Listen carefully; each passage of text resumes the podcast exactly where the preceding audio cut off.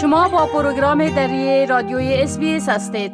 حال با جاوید روستاپور خبرنگار پروگرام دری در شهر کابل. به تماس هستیم که اونا درباره تازه ترین تحولات در افغانستان معلومات میتن آقای روستاپور سلام عرض می کنم خب گفتم میشه که شورش های مردمی در ولایت فاریاب همچنان ادامه داره و حتی نگرانی های وسیع شدن این شورش ها وجود داره. بله؟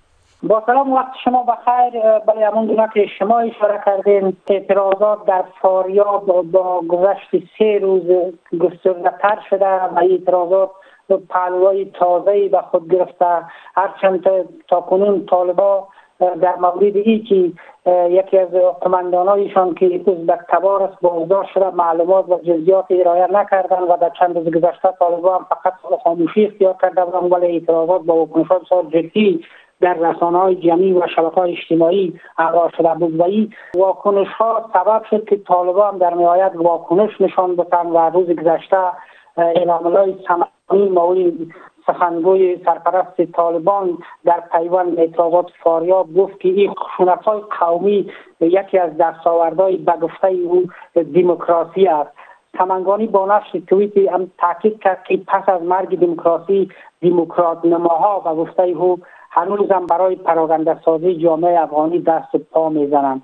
او هم تاکیدش بود که مقام های نظام پیشین اعتراضات را مدیریت می‌کنند و مردم ها را به جاده کشاندن اما چیزی که تا کنون بسیار مبهم است یکی قماندانی که از بکتوار طالباتی از سوی استخبارات طالبا بازداشت مشخص نکردند فقط دولای مجاهد گفته که از سوی استخبارات به خاطر تحقیق دستگیر شد. ولی این مشخص نیست که یک کماندان طالبا در پیوند با چی جرمی بازداشت شده و اتهامی که سری از این وارد از چی است آیا با مخالفین مسلح طالبا در ارتباط بوده؟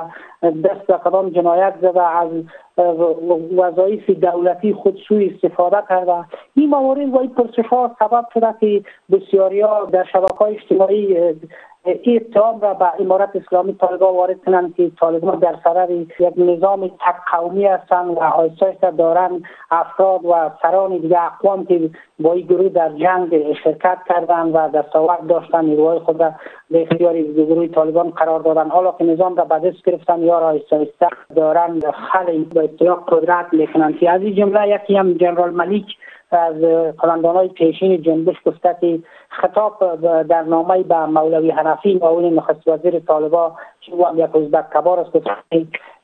دیر یا زود و گفته او اشتری سفید در خانه شما هم خواهد خوابید و شما را در گروه طالبا بازداشت خواهند کرد. بله. خب گفتم میشه که یک جنبش نو عمدتا جنبش زنا به نام جنبش تغییر در افغانستان قدلم کرده و موجودیت خود اعلان کرده. بله. بله این جنبش روز گذشته که اعضای از اون متشکل از بیشتر از زنان معترض هستند که در ماهای گذشته در کابل اعتراضات خیابانی داشتند راهپیمایی کردند. دیروز یک قطعنامه ای را خواندن و اعلام موجودیت خود را رسما با رسانه ها و مردم به اصطلاح اعلام گذاشتن که پس از این جنبش ایجاد شده و کار و برنامه دارد. اعضای جنبش در این گرد هماییشان با با خانش قطعنامه وضعیت افغانستان را در حال حاضر اصار اساس خواندن. و گفتند که وضعیت اقتصادی شهروندان روز به روز بدتر می‌شد و در هر حال حق زنان حق کار زنان حق تعلیم زنان از زنان گرفته شده و به گفته اعضای جنبش آن که دیده می‌شد هیچ تغییری در روی کرد و برخورد امارت اسلامی طالبان نسبت به زنان آمده نشده و با گذشت بیشتر از پنج ماه طالبان همچنان زنان را همه حقوق مسلمشان و گفته اونان معلوم نگه داشتن و این اعضای جنبش در قطنامهایشان گفتن که اینا با در سایر ولایات با زنان فعال با زنانی که کارمند دولت بودن در تاسیسات غیر دولتی کار می‌کردن در تماس هستند و در روزهای آینده و ماهای آینده برنامه های تری به گفته اینا دارند که به خاطر گرفتن حقشان از امارت اسلامی و همچنین صدایشان را به صورت گسترده و به صورت بلند که این کلمه در قطنامهشان صادر شده به جامعه جهانی هم خواهند رساند. بله. خب از سفر امیر خان متقی سرپرست وزارت خارجه طالب با به ترکمنستان گزارش های رسیده. می‌تونین بگوین که هدف از این سفر چی است؟ دقیقا وزارت خارجه طالبا گفته که این سفر به دعوت دولت رسمی ترکمنستان صورت گرفته. عبدالقادر بلخی سخنگوی وزارت خارجه طالبا گفته که هیئت که به دعوت رسمی دولت ترکمنستان صورت گرفته در رأسش امیرخان متقی سرپرست وزارت خارجه.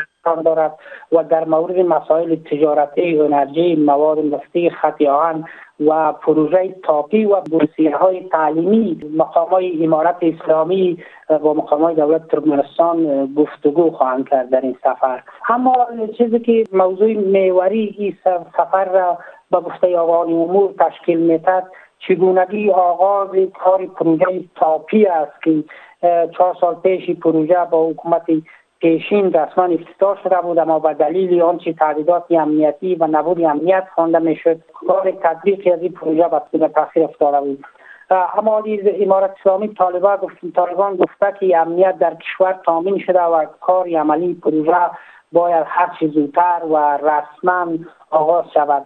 اما دیده شود که آیا این امنیت که فعلا در ولایات و در مرکز و گونه نسبی تامین است با گرم شدن هوا و آغاز سال 14 سال یک وضعیت همچنان باقی خواهد ماند. یا خیر چون بسیاری از آگاهان میگن که با فرارسیدن فصل بهار و فصل گرما احتمالی از این وجود دارد که دوباره در ولایات درگیری ها بین مخالفان حکومت اسلامی طالبان و همچنان داعش که گفته می‌شد فعال است از سر گرفته شد و این موضوع شاید سبب شد که پروژه تاپی همچنان پس دوباره کارش به تعویق میفتد بله خب بسیار تشکر آقای روستاپور از این معلوماتتان و فعلا شما را به خدا می سپارم روزتان خوش. وقت شما خوش و نگهدار شما. بپسندید شریک سازید و نظر دهید. اسپیس دری را در فیسبوک تعقیب کنید.